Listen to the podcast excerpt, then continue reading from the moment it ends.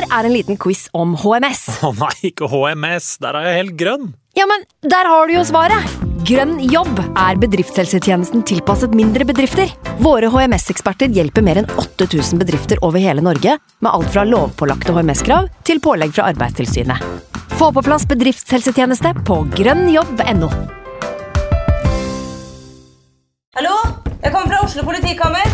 Ine Jansen er purk. Er du purk? The motherfucking bitch. Alt jeg vil, er å finne ut hva som skjedde med mannen min. Jon Carew. Er jeg sikta for noe? Iben Akeli. Det er du.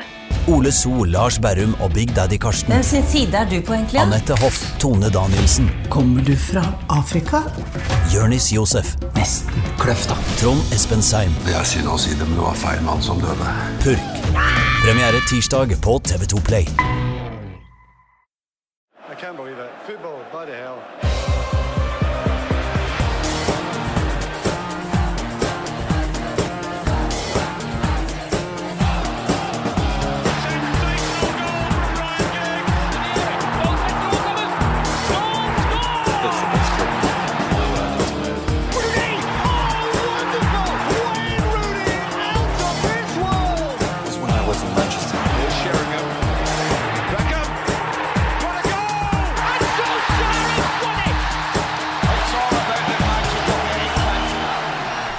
Velkommen skal du være til en ny utgave av United We Podcast i studio i dag fra United.no og eh, den skandinaviske supportklubben til Manchester United.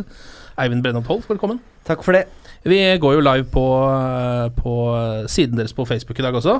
Mm. For dem som har lyst til å sitte der og følge med. Det kan komme noen spørsmål underveis der. Skal jeg se om jeg klarer å følge med på det og ta og plukke opp de litt underveis. Regner med det er mange som eh, har mye de har lyst til å dele, dele med oss på en dag som dette. Eh, Jonas Giæver, velkommen til deg også. Tusen takk skal du ha. Eh, er fotballekspert i Viasat, Ja. eh, og på Twitter. ja. Og i Nettavisen er jeg ja, også ja. Um, men dere har jo Dere har litt rart prosjektprogram, på- har jeg sett. På, litt reklame for på din egen Facebook. Uh, ja, tenker du på Viasat-turen min nå? Ja, at du skulle ut og reise ja. litt. Ja, det må folk få med seg. Uh, vi skal eh, nå til neste uke så starter vi en tur på 300 timer, der vi skal besøke alle 32 stadionene i Champions League, The Great Champions Tour. Det er meg, Petter Wæland og Daniel Høglund. Um, skal gå mye live på Facebook, vi også, så da må dere følge Viasport på Viasport fotball. Og så er det på viasport.no. Da har vi eh, også en sånn GPS, som du kan, Ja. du kan følge oss eksakt hvor vi er hen hele tiden. Så hvis vi på en måte er en eller annen brun bule i Kharkiv i Ukraina venter på å komme inn på noe Sjaktar Donetsk-opplegg, så kan du se nøyaktig at der sitter nå Petter Wæland, eh, Jonas Giæver og, og Daniel Høglund. Ja, for dere har ikke, altså, dere har ikke ordna dere noen flybilletter og sånn? Skal dere bare Nei, vi, vi har ordna flybillett nå. Vi skal starte i Moskva. Altså det, eh, Tagline her er fra Moskva til Manchester. Ja. Eh, så vi vet at vi skal til Moskva. Vi vet at vi må til Ukraina for Sjaktar Donetsk er kvalifisert. Men så vet vi ikke hva mer som kommer sånn inn, da. Altså Salzburg kommer kanskje inn. Kanskje Dynamo Zagreb kommer inn. Eh, Vidi fra Ungarn kan komme inn. Eh, AIK Aten fra Hellas kan komme inn. Så det er liksom nasjoner vi ikke har regnet med ennå. Så vi muligens må legge opp da eh, tre dager før vi skal sette i gang. Det er en slags groundhoppernes backpackertur. Eh, typ. Uh, nå er jo også Målet her er det at vi skal Vi kan ikke uh, krysse av et lag på kartet før vi har fått drakta til laget. Det, Ja. det er liksom uh, Kall det the relic som vi må hente i alle de ulike byene.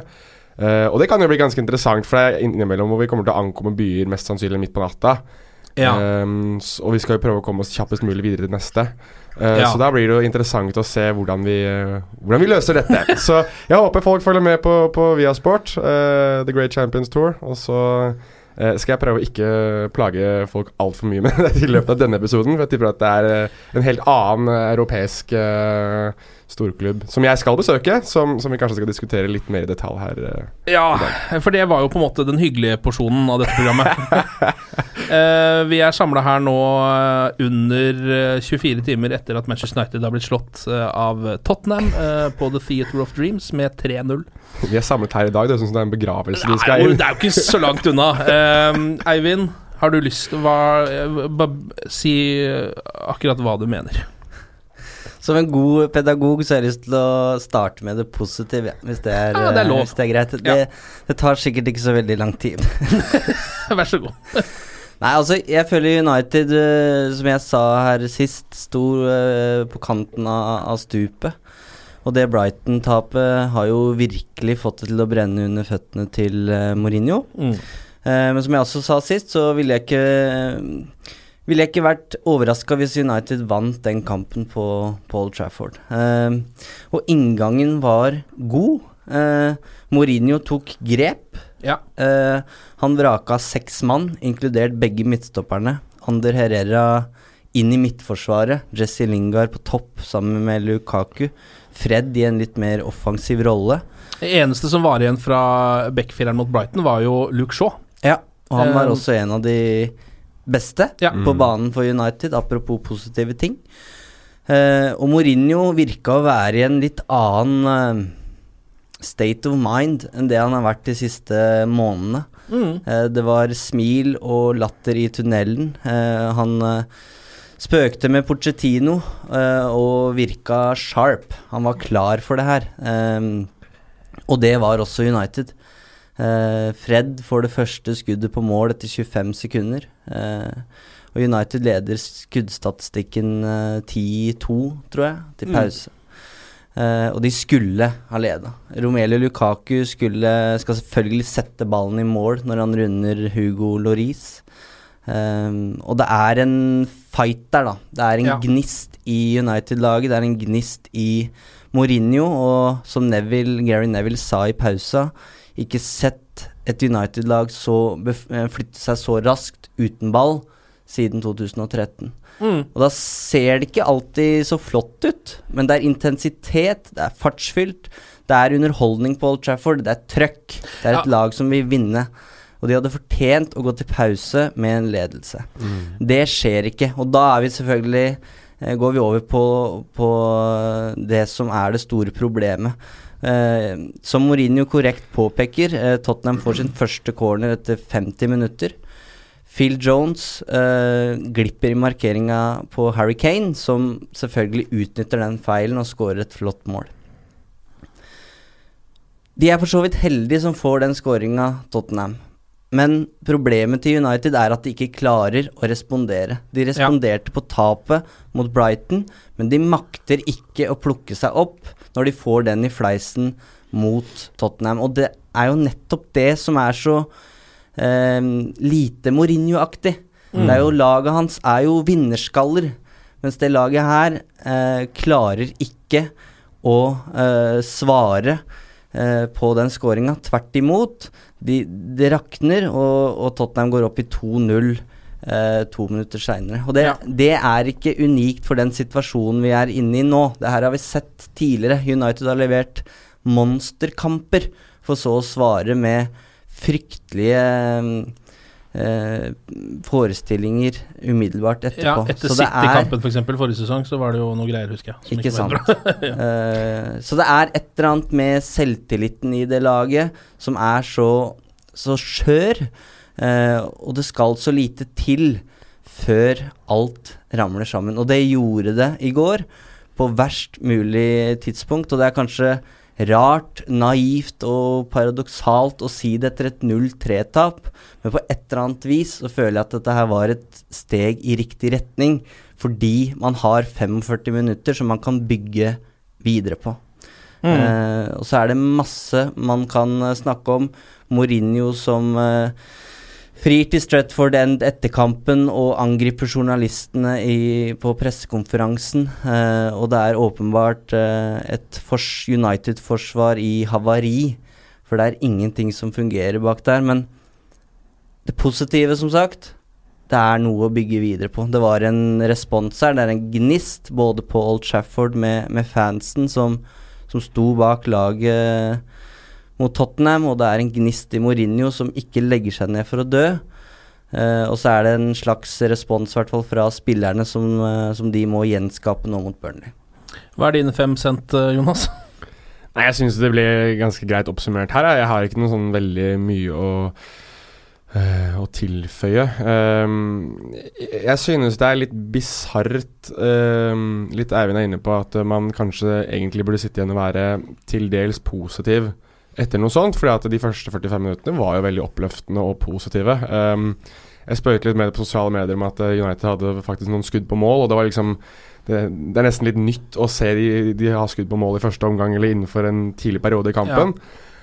Um, men jeg, jeg, jeg lurer litt på For Mourinho ble spurt om det før kampen og også etter kampen. Sånn, hva er det dere gjør for noe på trening i løpet av uka? Uh, fordi det er personlige feil, det er tellefeil, det er eh, plutselig et system der Andre Rera skal spille midtstopper.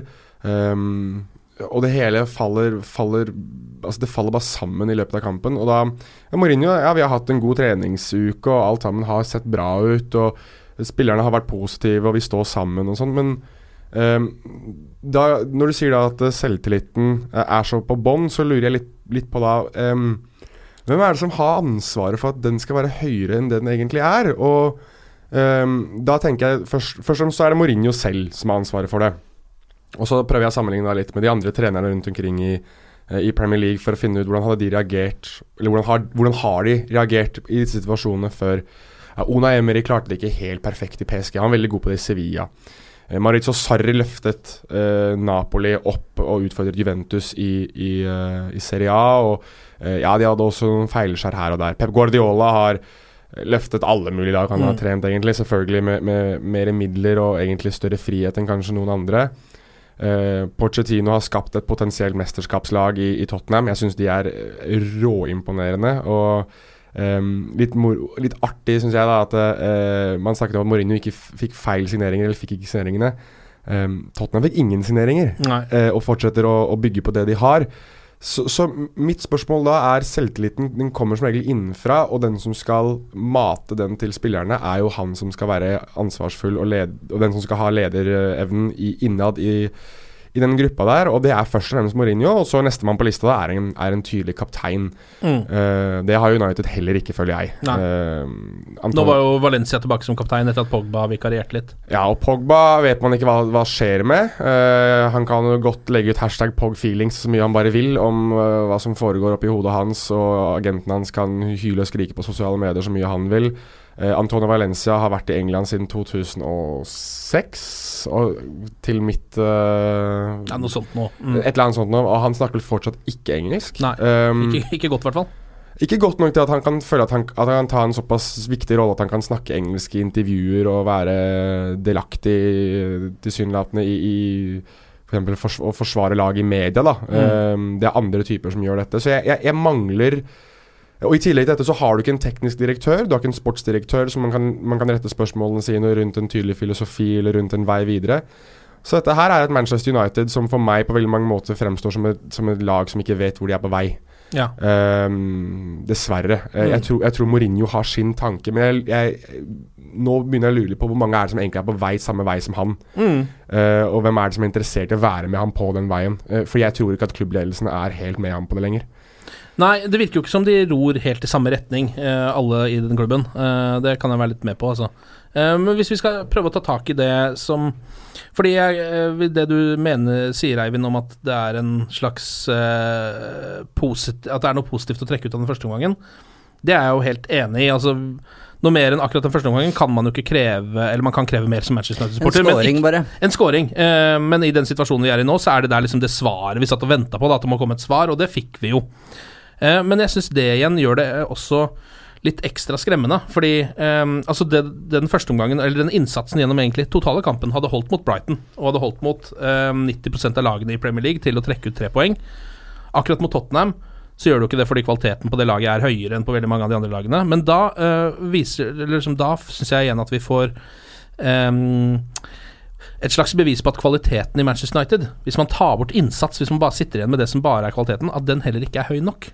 Altså den eh, Men, men dette er åpenbart. Dette, dette, Ja. dette er åpenbart. Altså um, Men da er vi igjen inne på spillelogistikk og rekruttering av spillere og uh, forståelse for at man må ha en klar retningssans, uh, bare sier, eller retningsbalanse. At uh, alle trekker i samme retning. Altså det du ser nå, når du snakker om kvalitet innad troppen og kvalitet uh, på spillerne og materialet man har, er at eh, man sitter med de siste tre trenernes ønske om å forbedre seg. eh, og en del eh, prøver å finne et diplomatisk fint ord. Altså, det er en del, det er en del eh, rot der. Eh, Det, er, Mm. det er spillere som ikke er gode nok. Det er spillere som eh, jeg tror at man kanskje forventet at det var av et høyere eh, nivå. Spillere som jeg, jeg lurer på hvor mye scouting som egentlig har pågått når disse spillerne har blitt hentet.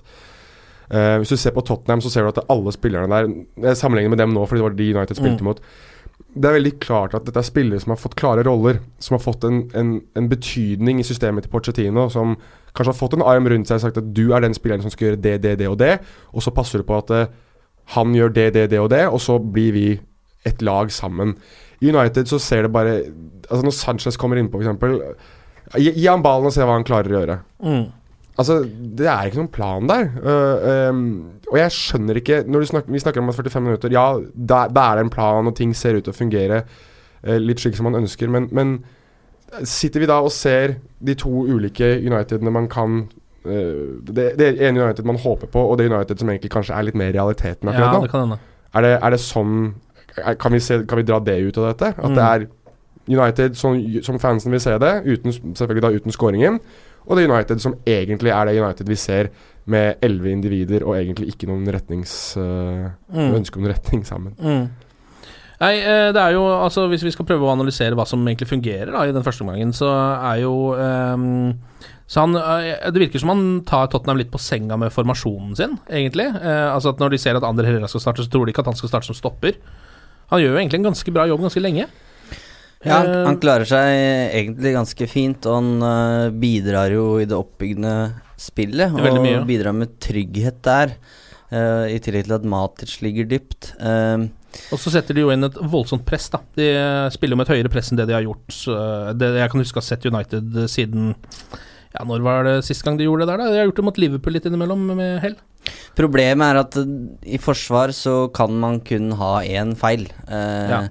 Og Herrera sleit med posisjoneringa eh, ved flere anledninger, og eh, på eh, Er det 2-0-målet, så, så glipper det jo da på Når han opphever offsiden. ja, Og det er igjen, da Det, det høres kanskje ut som et uh, forsvar av Mourinho, men det er, det er mer enn et spørsmål. Men altså Personlige feil får man ikke gjort så mye med. Og det er på en måte de tre måla i går er alle eh, egentlig flere personlige feil. Altså Jones bør være i stand til å stoppe Kane på den, det hjørnesparket, selv Ja. om Kane er en eh, målskårer. Herrera skal ikke være i offside, og så kan du si ja, men han er jo ikke midtstopper. Nei, men han spilte midtstopper i den kampen. Mm. Og da, da Det er ikke rom for sånne feil. Da Nei. får man de baklengsmåla.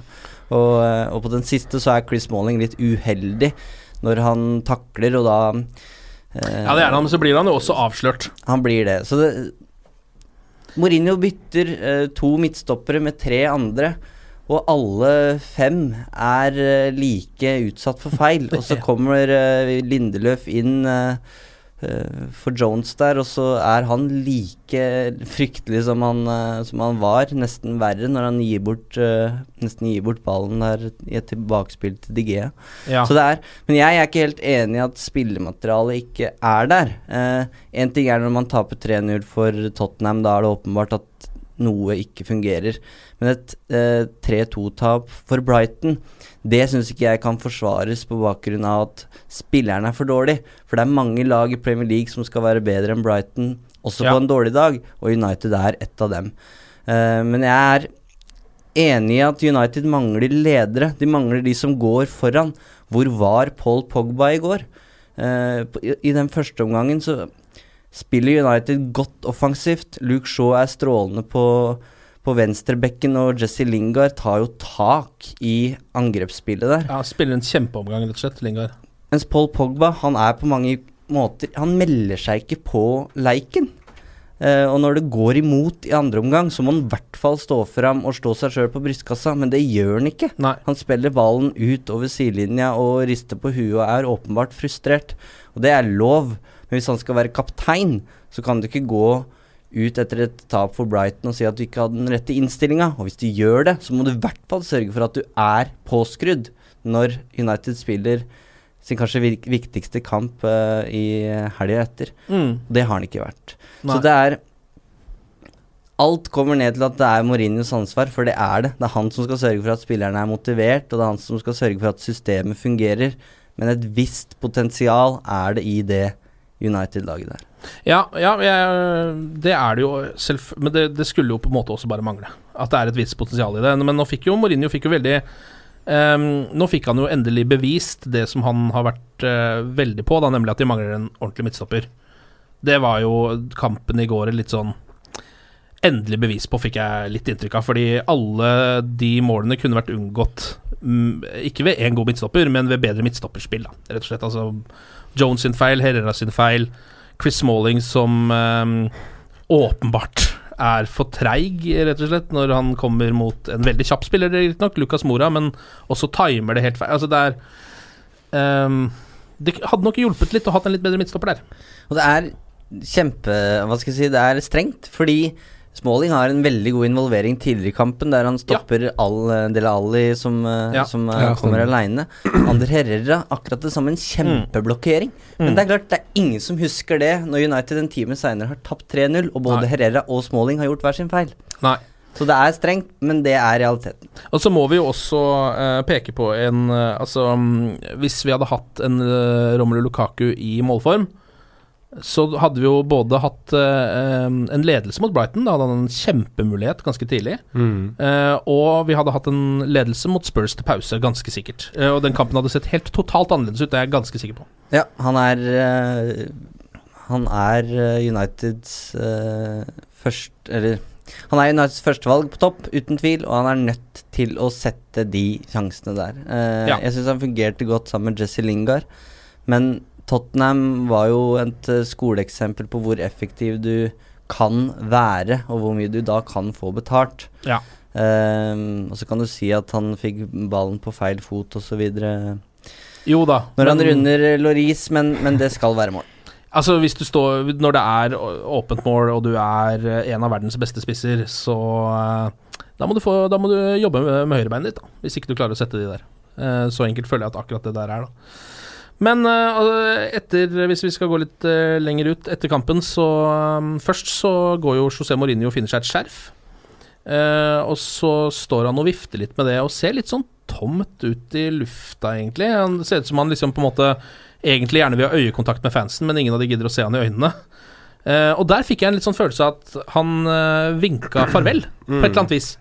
Men så slår han jo tilbake på pressekonferansen igjen etterpå.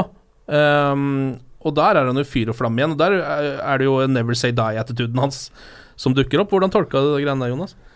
Uh, da jeg først så det, uh, så, så, sa jeg til roomien min at uh, der, er, der, er det mannen som sier farvel. Ja. Det, dette er over. Nå, det er en kar som skjønner at dette kommer ikke til å fungere. Og jeg tror det ble klokka inn Det er jo det er noen sjukinger som gjør det, som klokka inn på at han sto der i to minutter. Og det er ganske lang tid etter en kamp. Altså stå der og applaudere supporterne i to minutter, du aleine, etter å ha gått liksom litt gjennom og tatt spillerne og liksom kjæla litt med dem og sånt. Og, sånn. Eh, og det også for meg var en sånn indikasjon på at vet du hva, dere ga det dere hadde, og mer får vi ikke gjort. Sorry, eh, jeg er eh, Jeg tar dette her, og takk, takk for meg, liksom. Ja. Um, så jeg var helt sikker på at det, det, var Mourinho som på veldig mange måter sa at uh, dere som står igjen, dere har min respekt. Dere har stått der hele tiden. Dere sto der fra starten, og dere står der på slutten. Dette er meg som sier takk til dere. Og mm. så uh, tar jeg med meg skjerfet og tar med meg, tar med meg de minnene som jeg har fått her, og så er, er det over. Og så er det bare helt sceneskifte når uh, Først intervjuet hans med, med, Sky Sports. Det synes, er ikke veldig ofte jeg kritiserer andre journalister, men jeg syns Jeff Shreeves gjør en elendig jobb i at han ikke tør å spørre det spørsmålet som alle lurer på. Er du ferdig? Mm. Eh, føler du at jobben din er, uh, er, er du ferdig her, eller føler du at jobben din er trua? Det tør han ikke å spørre om. Som jeg syns var veldig skuffende. Det var Mourinho fikk muligheten til å forklare alle mulige andre ting og opp ned i mente. Jeg syns det var um, Men jeg syns, det var Mourinho som uh, uh, forklarte seg veldig bra taktisk analytisk i forhold til det han hadde sett i, i fotballkampen. Litt sånn som det vi sa, at det, på bakgrunn av de første 45 minuttene så skal ikke 0-3 være mulig. Uh, det skal ikke være mulig å tape den kampen på den måten. Og personlig feil, som Eivind sier, er noe han ikke kan uh, gjøre noe med. Altså det, det, det, det, er ting som foregår på banen som han ikke kan si noe, for han mente at de, de vant det taktiske. De vant intensiteten, de vant det fysiske, men de tapte fotballkampen. Ja. Um, Og så var det selvfølgelig uh, litt sånn Mourinho, kall det Mourinho-show, da. Uh, men, men på, på pressekonferansen Men, men det, det at han klikker, holdt jeg på å si, da når han begynner å snakke om at jeg har tre uh, Premier League-titler, det, det er tre eh, Altså resten har to, jeg har tre til sammen. 19 andre har til sammen to, jeg har tre. Eh, for meg så er det enten Er det en sånn eh, Mourinho eh, som kaster Eller som løfter seg selv opp til neste jobb og kaster laget han trener under bussen. Litt sånn som han snakket om at han gjorde mot da United røyket mot Sevilla i Champions League. Da han begynte å snakke om at jeg har sittet i denne stolen her som vinner. Det er vanlig for Ja. United å tape i Mm. Champions League osv. Eller så er det Mourinho som sier at vet du nå, er, nå, nå skal dere få føle på det. Nå, jeg, nå slår vi tilbake.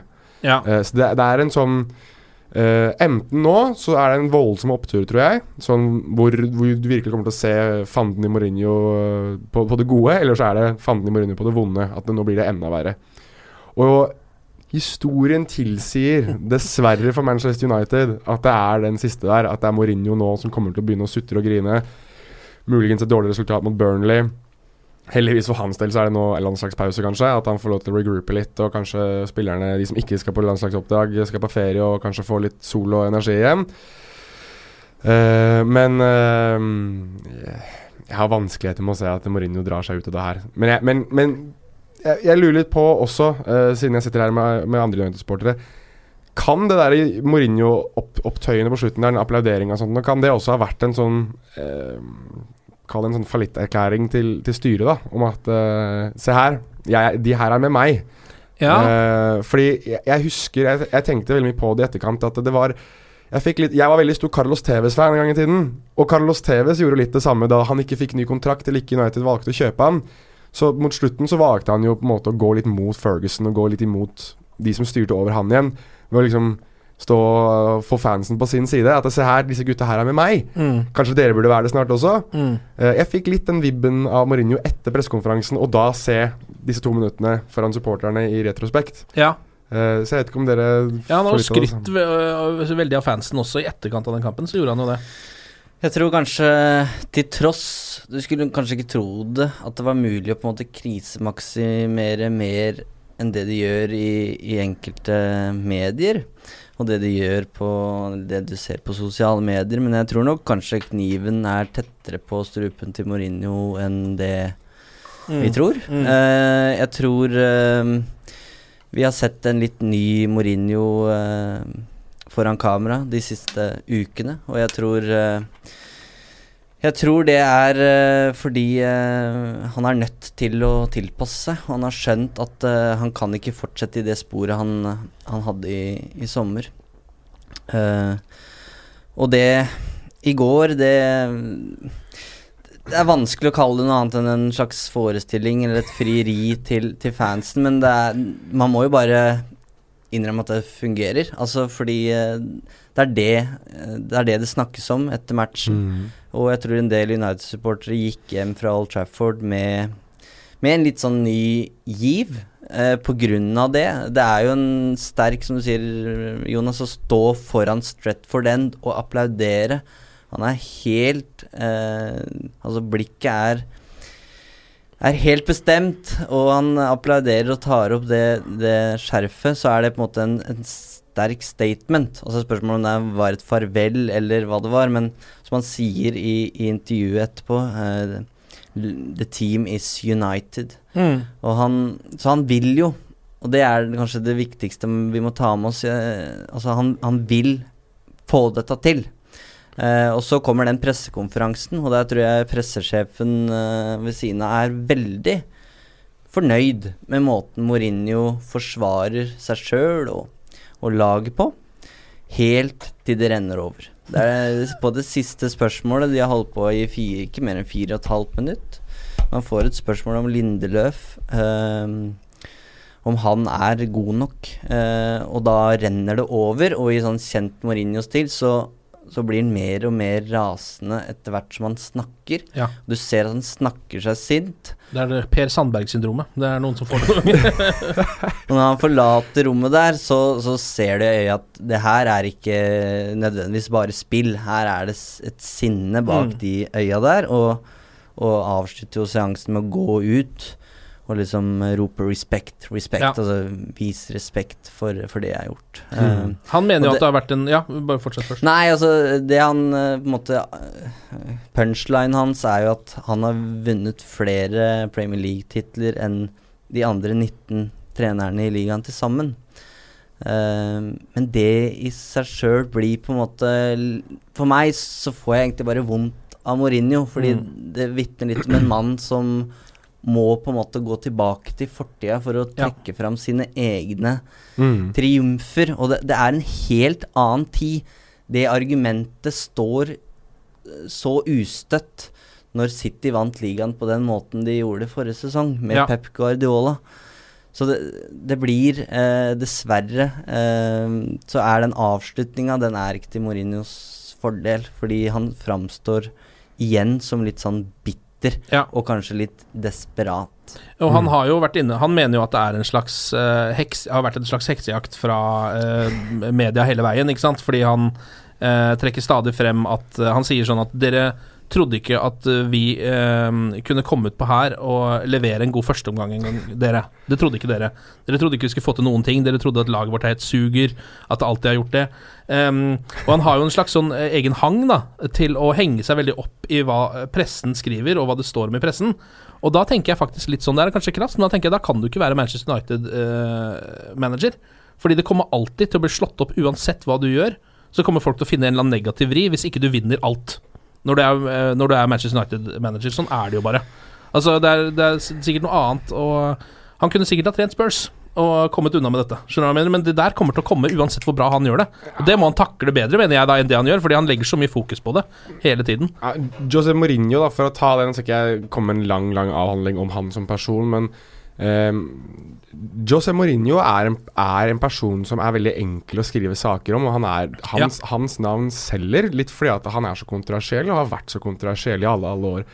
Altså Når jeg har fulgt den tredje karrieren der altså i tre ulike land Jeg så det ikke så mye i Portugal, men i Spania Åh, gud hjelpe meg om ikke det ble skrevet side opp og side ned om han i Marca og AS og det som er.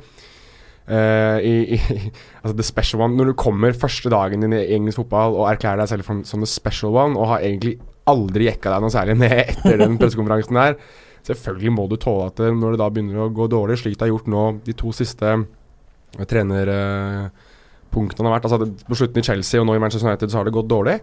Selvfølgelig så kommer Med å kaste seg over han. Han har jo lagt opp til det selv. Uh, og når du da trener den klubben det er mest prestisje rundt, som er eh, som er størst og er, er mest begivenhetsrik i England, som er Manchester United, og i tillegg er den treneren som er mest kontroversiell, selvfølgelig vil eh, pressen skrive negativt. Selvfølgelig kommer det saker om at det, det er krisestemning, og det er grusomt, og fordi at det selger.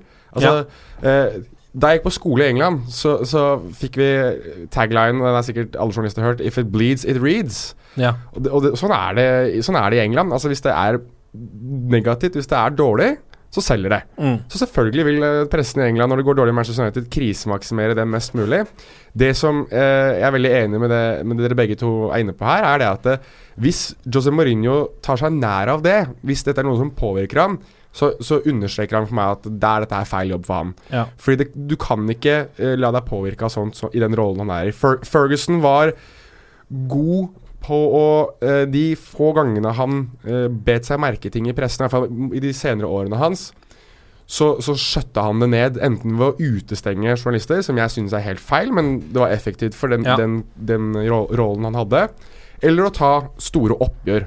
Boikotte BBC i veldig mange år. Boikotte i syv år eller noe sånt. Fordi en, en, negativ dokumentar de hadde om Ja. sønnen hans. Mm. Eh, ellers så husker jeg det er, det er jo veldig kjent den der eh, ranten han har før en pressekonferanse starter, hvor han sier at eh, nå har jeg utestengt dere i, i så og så lang tid fordi dere lyver, og nå må dere slutte å lyve og sånn. Og selv om veldig mange av de sakene som var skrevet, var riktig. Ja, ja.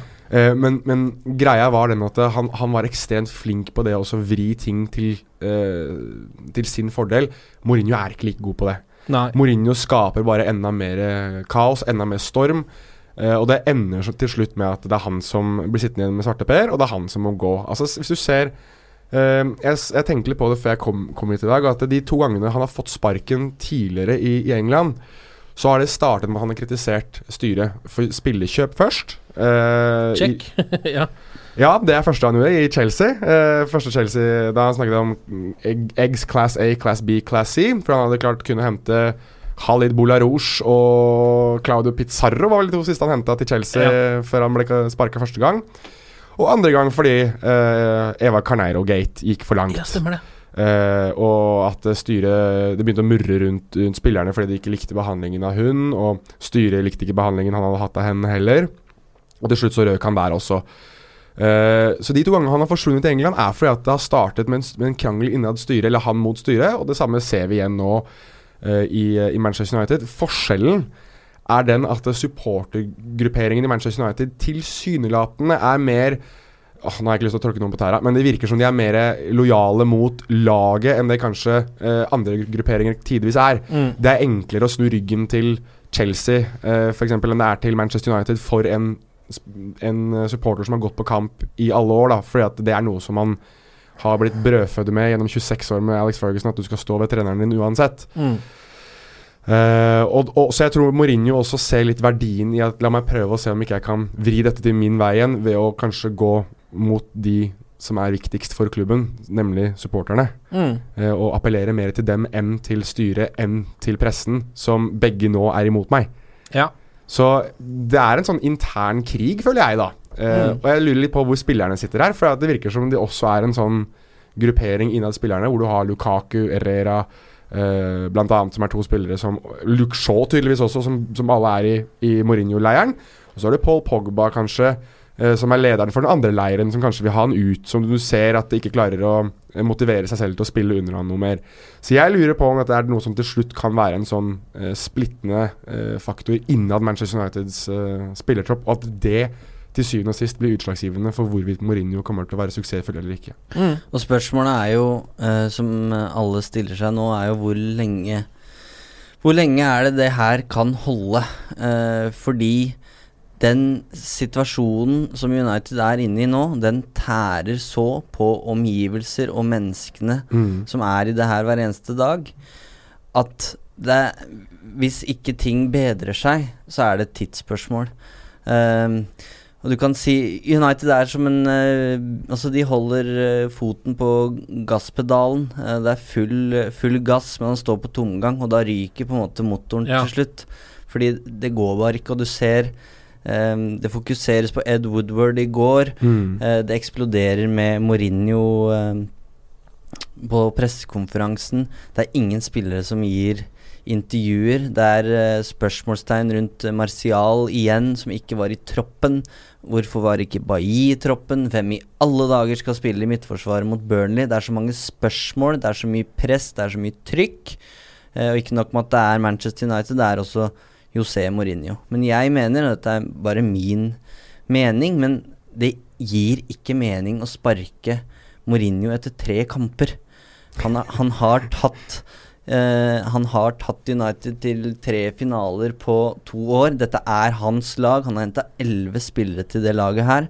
Dette er hans spillere. Det er hans største utfordring i karrieren, antageligvis, å Mm. få det United-laget her tilbake på beina. Han virker motivert for oppgaven. Så hvorfor skal ikke han få lov til å prøve, i alle fall? Det er, vi har spilt Det har gått tre uker av en lang, lang sesong, og det sier seg sjøl at United kommer ikke til å tape hver eneste fotballkamp. Uh, men spørsmålet er som sagt hvor lenge tåler de den, det trykket før den bobla sprekker? Og i det øyeblikket Mourinho på en måte er en negativ faktor, i det han påvirker klubb og spillere negativt, da må man gjøre noe. Nå, hvis, Det- hvis det kan få Det går an å argumentere for at han allerede gjør det.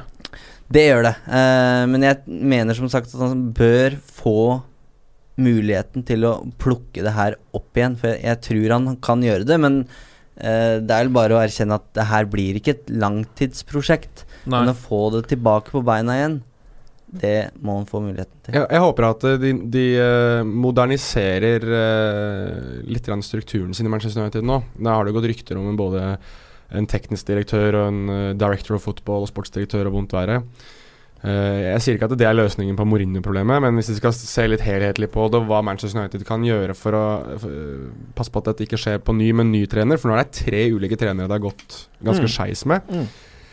Det er å ha en klar eh, sportslig satsing, klar vei, klar filosofi på hvordan man ønsker at ting skal gå, gå framover. Jeg synes det er interessant at eh, eh, kanskje Ed Woodward for første gang har eh, i hvert fall tilsynelatende innrømmet at han er litt begrensa i hans forståelse av hvordan fotballklubb skal drives. Eh, han er, han er eh, Altså Han er rene Cristiano Ronaldo hva angår økonomisk avdeling og det å skaffe nudelpartnere i Taipei. Um, det, er, det kan ingen argumentere på, men når det kommer til å drive fotballklubb, så må han ha noen som tar, tar litt grep der, da. Så jeg synes det er interessant at man har nå eh, i hvert fall skrevet opp og ned om at en teknisk direktør er eh, noe de ønsker å ha klart før overgangsvinduet i januar. At du har inn en som kan styre og stelle litt, og som kan ha en klar link mellom styret og, og Mourinho.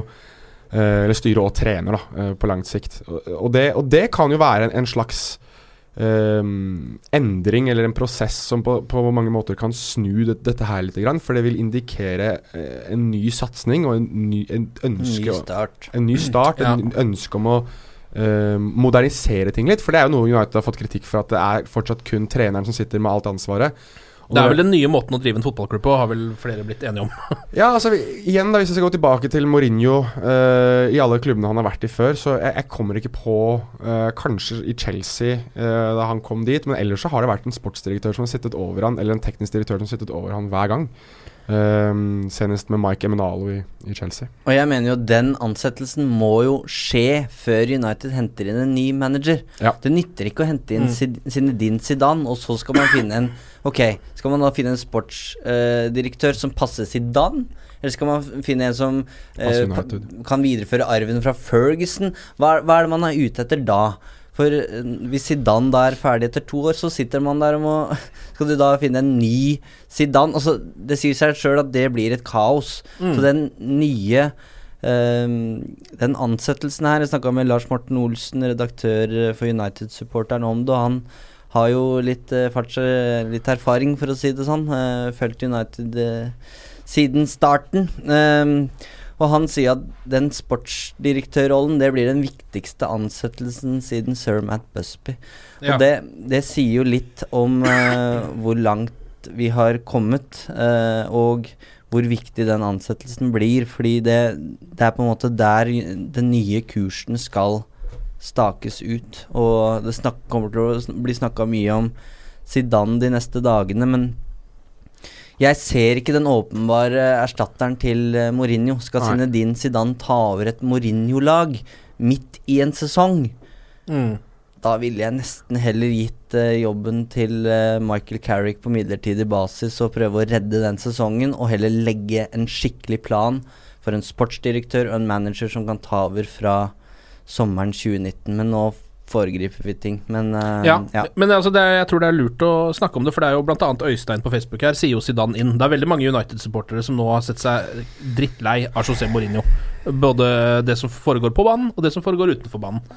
Um, og det argumentet jeg ser, er jo, eller sånn som jeg selv kan ta meg selv i å være litt enig i, er jo um, at det virker som denne sesongen på en måte ikke helt kan reddes. Altså skal det et lite mirakel til for at de redder, redder inn denne sesongen, da. Ehm, så det ene Det argumentet jeg kan i så fall se, er jo for å begynne å bygge mot neste år allerede nå. Ja, vi, For vi, er å da ansette ny stå, manager. vi er nødt til å stå i det. Vi Ja. kan ikke måte, tillate oss til å uh, si klage og, og styre på, fordi det Det er lov å være misfornøyd, men ikke gå i strupen på hverandre, fordi det, det har ingen hensikt. Og United-fansen nå er bare nødt til å finne seg i at de er nødt til å stå i det, og det er jo det de har vært så gode på før.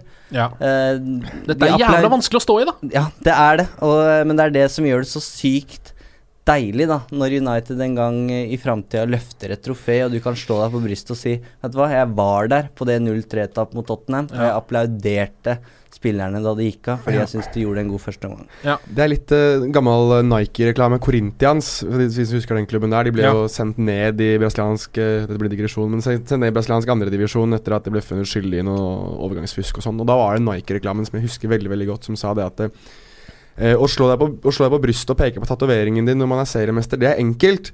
Men det vanskelige er å stå der i regnværet og skrike 'Jeg kommer aldri til å forlate deg' når du sendes ned i tredjedivisjon. Mm. Uh, og det er jo litt det er Selvfølgelig å sette det veldig på spissen, men det er litt det man kanskje må finne seg i nå. også Sånn, jeg, jeg skjønner ikke Zidane. Uh, hva, hva, skal han, hva skal han gjøre for noe, da? Er det, det er samme spillemateriale, det er samme, samme stormen som han mest sannsynlig kommer inn i, han også. Det, og dette er i tillegg en kar som aldri har trent Premier League, som har kun trent Real Madrid. Det er ja, Det eneste som kunne vært positivt med det, er vel hvis det er en stor del av spillergruppa som eh, rett og slett ikke eh, klarer å levere ordentlig under José Mourinho. Ja, forskjellen Ja, det er, det er greit nok, men vi må En ting da som en som følger av Liga veldig tett, som vi må huske på med Zidane, er det at han fikk mye gratis da han gikk inn i den oh, ja, Real. Madrid-garderoben. Altså. Ja, ja. Der var det et lag som underpresterte under Rafael Benitez. Og Zidane er, den, er sammen med Alfredo Di Stefano øh, og ja, kanskje egentlig han, var, var virkelig den største karakteren øh, Real Madrid noensinne hadde hatt. Ja. Når han setter seg på trenerbenken og sier 'gjør sånn, sånn og sånn', da blir sånn, sånn og sånn gjort. I Manchester United så har han ikke det.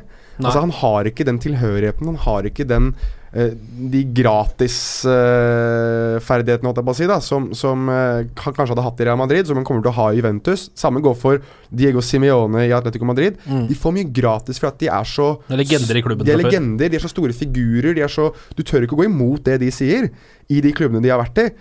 Mens, mens har Zidane den der samme effekten i Manchester United, det er jeg veldig usikker på.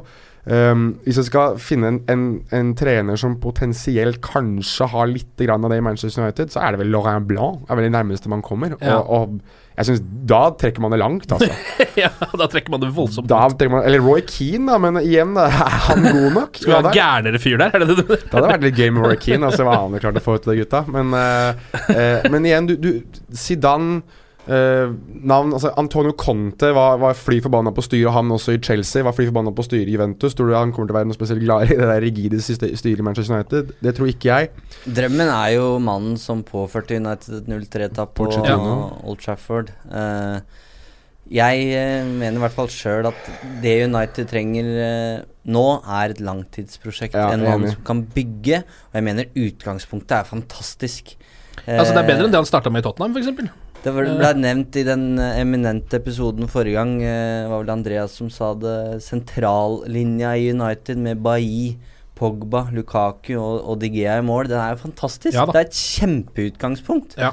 Eh, og med en Pochettino som eh, Ja, det største ankepunktet til Mourinho er jo, som vi snakka om i stad, at han ikke gjør spillerne sine gode nok. Og det er jo det Pochettino gjør. Han utvikler det han, det han har.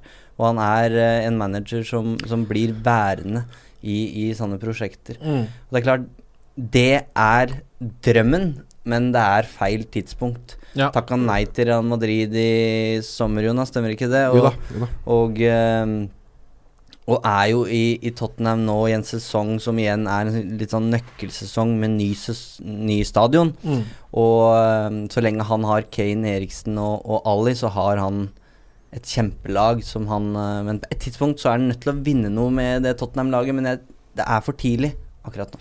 Bare håpe det ikke skjer nå, da, så kanskje han eh, begynner å bli såpass keen på pokaler at han kommer til Old Trafford eh, etter hvert. for, for å vri litt på det, da. eh, For jeg synes det var interessant det du og Lars Morten Olsen har pratet om, tydeligvis, da, om, om en sportsdirektør. Er det noen navn der som på en måte krystalliserer seg nå, som man tenker at det hadde vært riktig mann? Nei, altså den, For det, det er der man må starte, mener jeg. Ja. ja. Nei, eh, er, det, er det der Edvin van de Sar har blitt nevnt? Ja, det er det. Og Han, har aldri, han har aldri vært det før. Han er økonomisjef i Ajax. Ja. Og det ville vært eh, Det som, er flere som er gode på økonomi, det er det vi trenger. som det ville ofte også har vært nevnt her i poden, at eh, det er litt typisk United at de går for ny, noe litt trygt. Eh, Jeg tror ikke de henter eh, en av disse superdirektørene fra Europa nødvendigvis.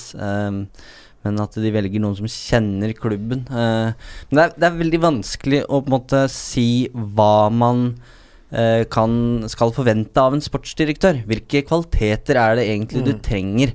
Fordi det er en såpass stor rolle, og, og det er vanskelig for oss som, som bare følger uh, fotballen utenifra, å på en måte skulle beskrive hva den rollen i detalj går ut på. Ja. Men uh, jeg har jo lansert en kandidat på sosiale medier med Gary Neville, som jeg syns er en mann som er så fornuftig i betraktningene sine og har et så tydelig syn på hva Manchester United skal være, som er i samsvar med det, det fansen ønsker, og det historien eh, har bestått av. Så han syns jeg hadde vært et veldig interessant valg, men som flere har påpekt til meg, vi, vi aner jo ikke hva Vi veit jo ikke om han er interessert i en sånn jobb Nei. i det hele tatt, eller om United Om han står på en sånn liste, men som en fotballmann som kan veldig mye, og som ikke har fått det til å fungere som trener, Og som er United eh, tvers igjennom. som er United tvers igjennom, så, så tror jeg det kunne vært eh, et spennende Et spennende valg, i alle fall. Vi må spole litt tilbake, fordi vi glemte å dele ut poeng eh, til eh, de beste Manchester United-spillerne etter eh, kampen mot Tottenham. Det er lov å legge litt ekstra vekt på førsteomgangen hvis dere har lyst til det. Vi pleier jo å dele, gi, gi da tre poeng til den beste, to til den nest beste og ett til den tredje beste. Ikke Hvem- minuspoeng i dag. Ikke, Det trenger ikke noe minuspoeng i dag, så gærent var det vel ikke. An andre omgang er minuspoeng. stedet. ja, bare drit litt i andre omgang. Eh, hvem har lyst til å starte? Jonas, har du noen tanker? Eh, Skal jeg starte på én eller tre, da? Begynn på én, du. Uh, jeg syns tre var, enk var enklest. Um, uh, ett poeng, hva kan jeg gi det til? Eh, det var ikke noe sånn som u er, det, er det der man liksom tar David Gea, bare for å være sikker? Ja, det kan man jo Nei, gjøre. Han hadde jo én kjemperedning, men det var vel ikke hans beste kamp. Nei, jeg synes den ene Jeg synes to og tre er enkle, men jeg synes den tredje er Hvem er det du har på to og tre? På tre er Luke Shaw. Ja, den er jo grei. Syns, den, syns han var den eneste som virkelig eh, ga alt, og som virka eh, bare helt tent på å overbevise. Mm. Ja, så synes jeg Fred var veldig, veldig god. Ja, jeg er enig. Eh, Jeg syns han var eh, eksepsjonell i første omgang. Han falt litt igjennom i andre omgang. Og så var han dessverre veldig uheldig var det på 3-0, der han bare rett og slett ikke var høy nok for å Ja. den ballen.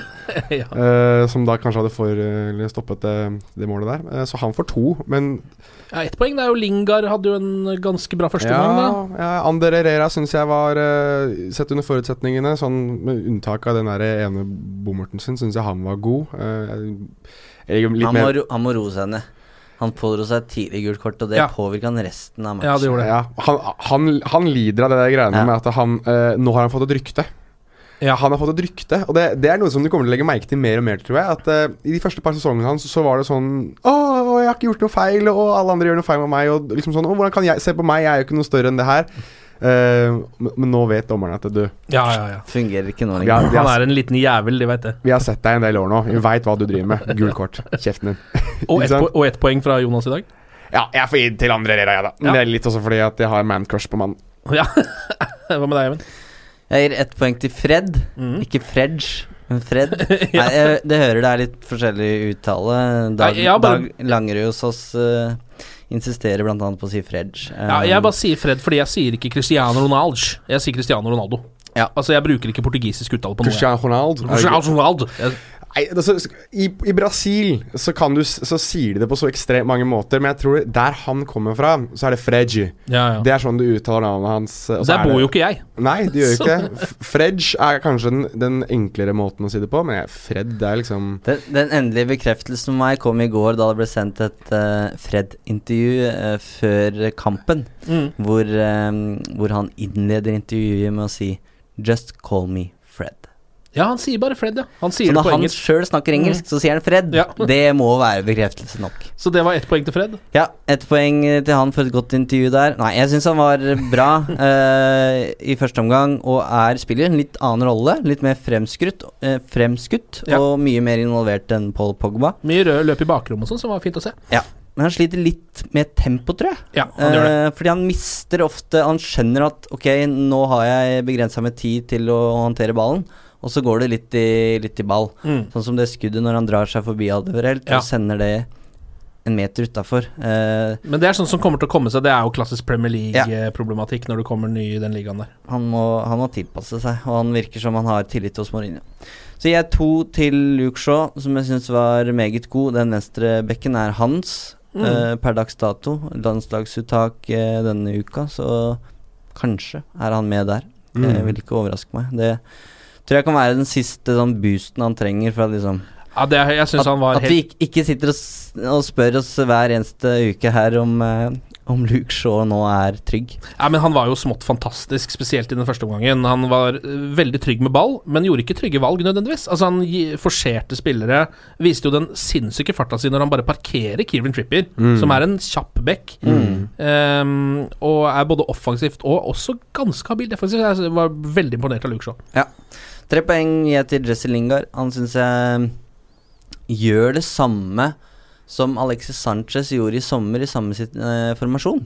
Ja. Sammen med Lukaku på topp så har du to helt forskjellige spillere som fungerer veldig godt sammen. Eh, han løper og har en vilje og kreativitet som det United-angrepet trengte så til de grader. Eh, men så er det å få ballen innafor stengene, da. Ja. Både, både Lingard og Lukaku har hver sin 100 sjanse, og ja, skal de stå igjen som en sånt eh, suksessrikt eh, En suksessrik angrepsduo, så er de nødt til å skåre mål. ja. Um, det er jo uh, altså jeg, Ja. jeg, jeg kan komme med litt eh, For, for å bringe det opp til litt positivt. uh, Manchester United har jo nå lansert sin nye tredjedrakt. ja. Eh, den er rosa. Er det rosa? Få se, har du bilde av den? Den er der. Ah, litt sånn Palermo-rosa. Ja. Vet du hva, den likte jeg godt. Den er altså VG-sporten-rosa. Eh, Ja, for de som pleier å lese det. eh, Da har du enda bedre bilde av Den Det er noe dritfint. Så. det er også det som er inspirasjonen. Uh, Manchester Evening News ga Ja. i gamle dager ut en sånn rosa lørdagsavis der du fikk alt fra runden. Ja. En sånn ettermiddagsavis. Eh, så det er, det er inspirasjonen til, eh, til den rosa drakta. Vet du hva, Den likte jeg godt. Den håper jeg vi får se straks. Det er jo eh, Burnley på Turf Moor eh, til helga. Kanskje vi får se den da. Kanskje vi får se den da. Eh, Kanskje litt for lik deres lilla drakter, når jeg tenker om. Men Men, den er ganske lys. Ja, den var ganske den er lys. nesten hvit. Eh, men er det, er det Altså, det her Jeg håper ikke det er for mange podkaster som kommer til å måtte avslutte sånn, men er det nok en gang sånn Ja, vi får håpe vi ser en reaksjon. Er det det jeg skal si? Eller hva, hva skal jeg si før den kampen? Tenk om de feier over Burnley 5-0. Ja, det kan gå Men det, er jo, det burde de jo få til innimellom, det. Eh, det Burnley kan- har vel ikke sluppet inn fem mål på hjemmebane siden før krigen, vel? Nei, nei, det tror jeg ikke. Men det er, det er et annet lag som er i trøbbel, så, Ja. Ja. så det er to uh, lag som uh, holdt på å si må vinne. eh. Men eh, nei, det blir en tøff eh, match, selvfølgelig. eh, og nå blir hver kamp en finale. Ja, det blir litt sånn. Fram til man klarer å snu det, så er det jo litt sånn det Mm. Nei, vi får bare håpe at det går veien, da, gutter. Gjør det. Glory, glory.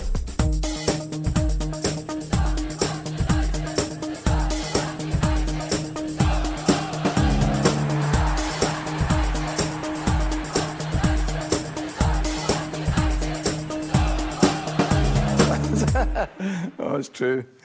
I've seen many things. Ukens annonsør det er matkasseleverandøren Hello Fresh. Der kan du velge mellom 25 ulike oppskrifter hver uke, eller få Hello Fresh til å sette sammen en meny for deg. Jeg sparer tid på å handle, oppskriftene er veldig enkle å lage, og så får jeg akkurat det jeg trenger da, til hver eneste rett, så jeg slipper å kaste så mye mat som jeg vanligvis gjør. Det er også litt deilig å faktisk slippe å gå på butikken, ikke bare fordi det er tidkrevende og sånn, men fordi man ender opp med å kjøpe så mye greier som man egentlig ikke trenger, sånn som fire poser eh, Smash og en kick med havsalt, eksempel. Det er ikke det du egentlig er der for, du er der for å kjøpe, kjøpe middag.